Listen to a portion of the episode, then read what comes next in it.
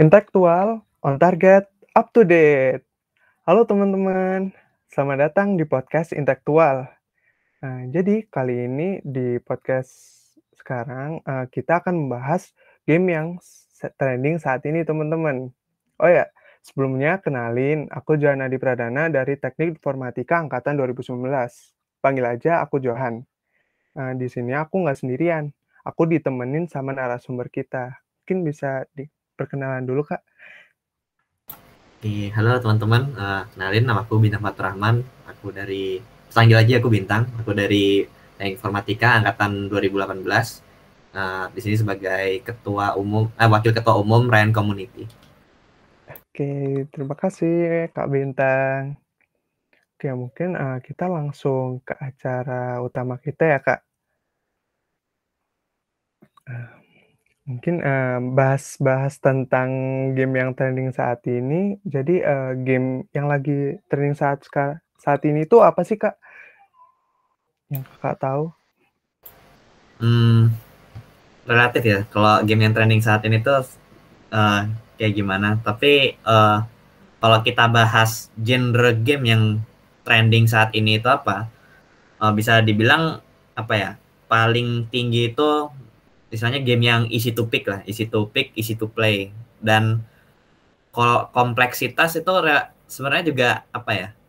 Kayak sekarang ya, kita kan ngomong game itu bisa dikategorikan dengan umur dulu ya. Dulu kalau sekarang tuh enggak iya. kayak sekarang tuh anak SD bisa main ML padahal ML itu kan hitungannya semi semi ribet ke atas kan ya. Nah, kayak gitu. Jadi isi topiknya sekarang tuh udah beda, udah udah tinggi standarnya kayak game battle royale gitu kan kayak kita main terus ya main terus selesai terus repeat kan gitu kayak gitu terus. Ya gitu ya semacam game yang kayak gitu lah. Uh, yang easy to pick terus easy to play dan dan kayak orang selesai kerja main bentar terus lanjut kerja lagi tuh bisa main lagi gitu. Ya kayak gitu game yang kayak gitu lah kurang lebih ya game yang trending saat ini. Ya mungkin kalau kita sebutin nama gamenya ya kayak game ya kayak PUBG apa namanya itu uh, Call of Duty yang apa tuh namanya uh, Warzone gitu kan kalau yang di PC. Yang yang baru itu ya kayak.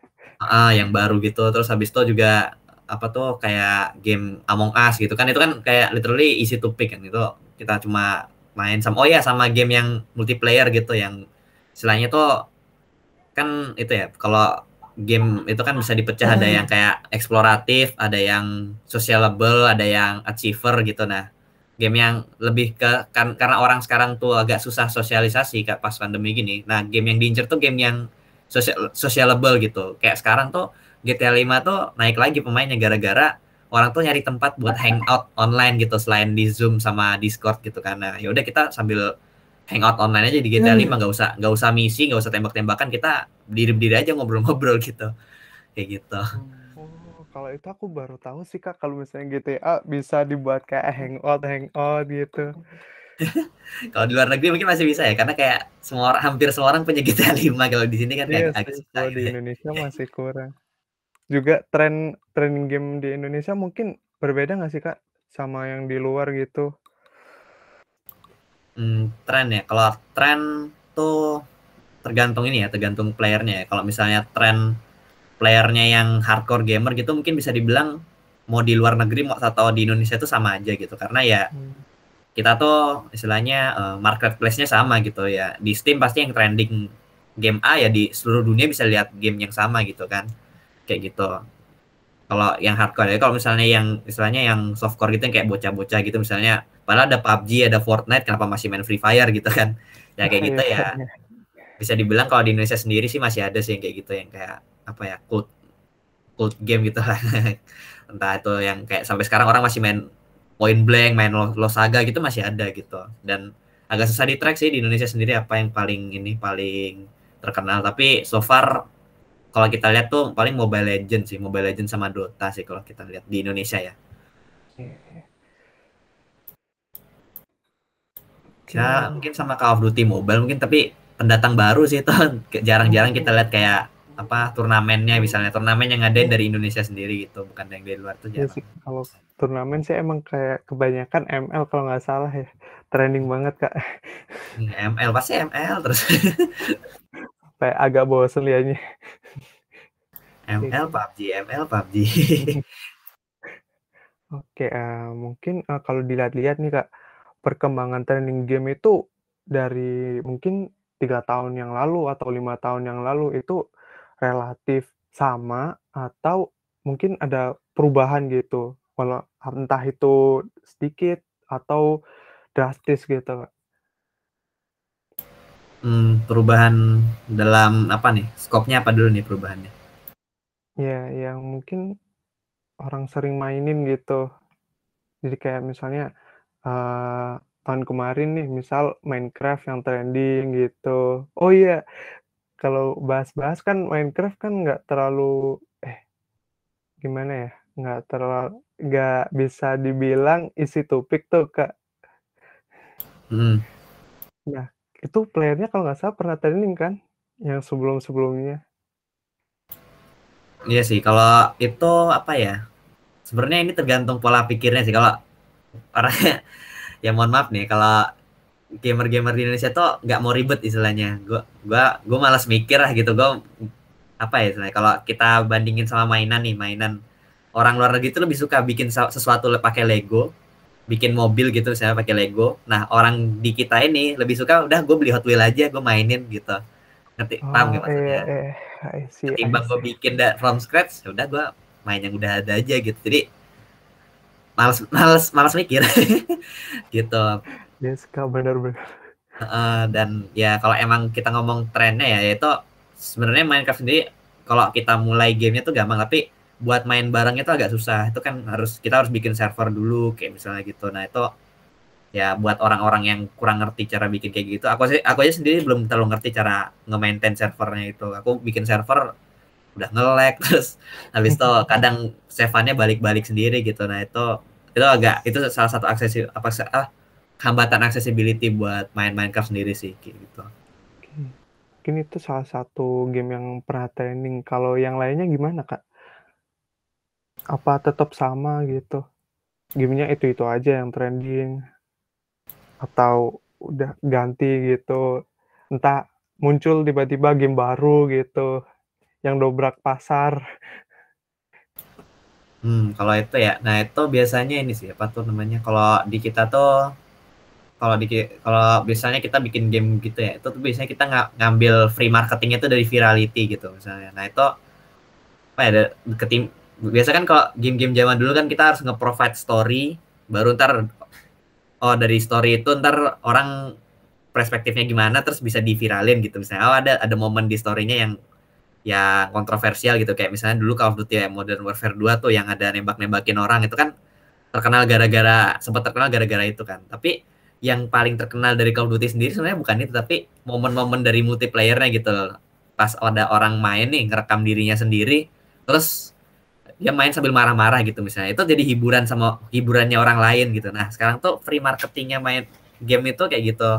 Jadi strategi developer-developer game itu biasanya sekarang bikin entah bikin game lucu, game dari game komedi gitu ya, game habis itu game multiplayer yang ya mainnya rame-rame gitu.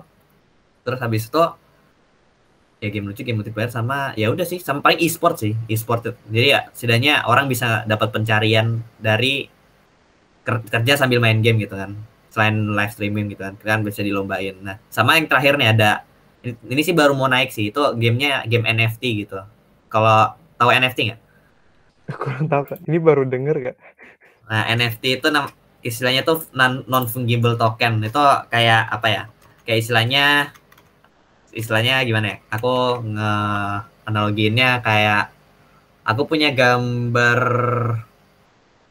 gambar kartu Yu-Gi-Oh nih atau kartu Pokemon deh, kartu Pokemon gitu. Terus ada kartu Pokemon A, Pokemon B. Pokemon A ini yang harganya lebih tinggi karena stoknya tuh dikit gitu. Kayak istilahnya kayak kayak emas lah. Emas kan terbatas ya di bumi ini kayak Oh, nggak nggak bisa gitu diperbarui ya? gitu ya. Heeh, jadi kalau heeh, kayak token gitu. Nah, itu habis itu kalau misalnya aku punya kartu itu dan gambar itu dan it, aku dong yang punya itu, itu harga harganya bisa tinggi banget gitu dan nggak bisa diduplikat gitu. Kayak gitu karena udah dicatat kayak yang punya nam, yang pembelinya siapa yang pemiliknya siapa gitu. Nah itu tuh itu tuh lagi tinggi banget yang bisa bikin F G apa NFT itu tapi mereka tuh nggak bisa bikin gamenya. Nah akhirnya yang punya yang bikin-bikin NFT ini bikin token-token ini nge-request kayak ke game developer itu eh tolong bikinin game buat gua dong yang bisa nge-provide jualan NFT ini gitu. Kayak gitu. Sekarang tuh lagi naik lagi ini sih lagi mulai naik sih. Soalnya NFT sendiri tuh kayak trading jadi jatuhnya. Jadi kayak jadi ya bisa kita literally kita bisa dapat untung dari main game sekalian bisnis gitu ya kayak iya bener bener dari penghasilan gitu. Mm jadi contoh nih contoh. Apa namanya? Anggap aja di game itu ada item di mana itu kuatnya kuatnya misalnya apa ya item api gitu misalnya. Kuatnya buat ngalahin monster S. Nah harganya murah tuh karena awal-awal murah tuh karena ya nggak ada yang butuhkan. Tiba-tiba ada event ini event event di mana ada map baru nih musuhnya banyak yang S gitu misalnya. Demandnya kan tinggi tuh buat beli senjata itu harganya bisa naik. Dan yang like punya senjata itu sebelum event har yang belinya harganya misalnya dua puluh ribu gitu. Terus harganya jadi dua ratus ribu. Dijual dapat duit beneran gitu. Kayak gitu ya kayak literally trading gitu. Dan ya sedikit kontroversial sih kan. banget sih kalau ya. Sedikit kontroversial tapi kan kayak misalnya bisa dimanipulasi gitu ya marketnya kayak ah bikin event ini nanti iya, harganya bisa naik rawan, gitu kan. rawan manipulasi nih uh, ya rentan sih. Kayak masih sedikit kontroversial sih sebenarnya. Jadi makanya lagi aku bilang kan belum naik kan tapi mungkin bakal naik gitu. Karena itu profitability-nya naik apa tinggi banget sih. Kalau kayak gitu. Ini iya bisa berkali-kali lipat dapatnya. Kalau boleh tahu yang NFT itu mulai mulai munculnya tuh kapan sih kak? Hmm, mulai munculnya sendiri aku kurang tahu sih. Kalau di apa kalau yang digital ya, kan NFT itu kan dia sifatnya digital ya. Nah kalau yang ya kalau yang beneran sebenarnya udah ada, ada sejak zaman dulu kayak kayak apa namanya uh, foto Mona Lisa gitu kan itu kan meskipun kita foto tapi yang asli tetap di situ kan yang yang punya yang asli punya privilege to break dong eh gue punya yang asli nih gitu. Mau beli nggak? Ini satu-satunya yang asli gitu. Kalau yang digital sendiri gue belum tahu kurang tahu sih itu munculnya kapan gitu. Tapi mulai digamifikasi itu mulai mulai sekarang gitu mulai digamifikasiin. Oh, iya iya iya. Mungkin itu ya buat perkembangan game yang untuk kemarin-kemarin, terus untuk ke depannya nih, kira-kira gimana Kak untuk training game? Apa tetap atau mungkin ada perubahan gitu? Hmm, nah kita ngomongin di mana? Di di seluruh dunia atau di Indonesia aja nih? Yang dari deket dulu dah, dari Indonesia. Nah, perkembangan industri game ya tadi ya? Iya, industri game. Nah, kalau bisa dibilang apa ya? Uh, di Indonesia sendiri sih lagi berkembang pesat banget sih. Kalau apa ya? Bisa, bisa kita bilang tuh gini. Sekarang developer Indonesia tuh lagi kaya-kayanya.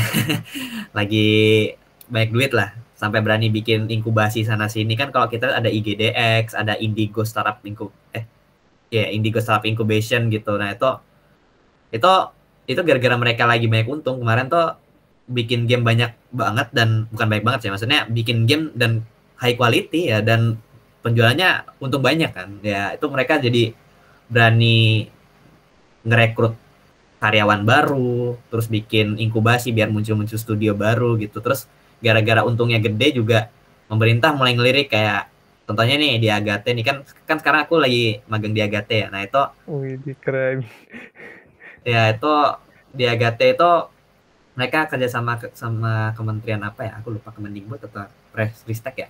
Pokoknya kemen sama kementerian. Yaitu buat bikin inkubasi inkubasi game developer gitu. Karena emang market apa ya untungnya tuh gede banget. Kalau di luar negeri itu bahkan udah ngalahin perfilman gitu. Tinggi apa untungnya. Oh, kayak ya kayak GTA 5 gitu. Itu kan uh gila. Untung untungnya parah banget sih bisa buat ngasih iya, makan. banyak banget yang mulai tertarik lagi sama GTA 5.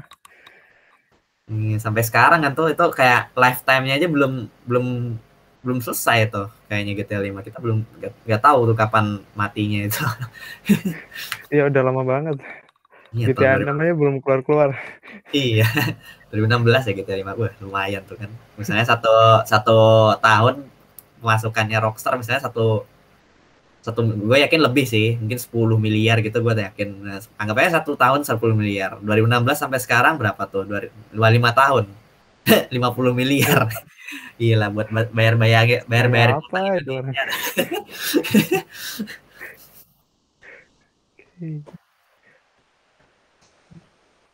Jadi eh, buat industri game itu mungkin eh, profitnya tuh udah gede banget ya.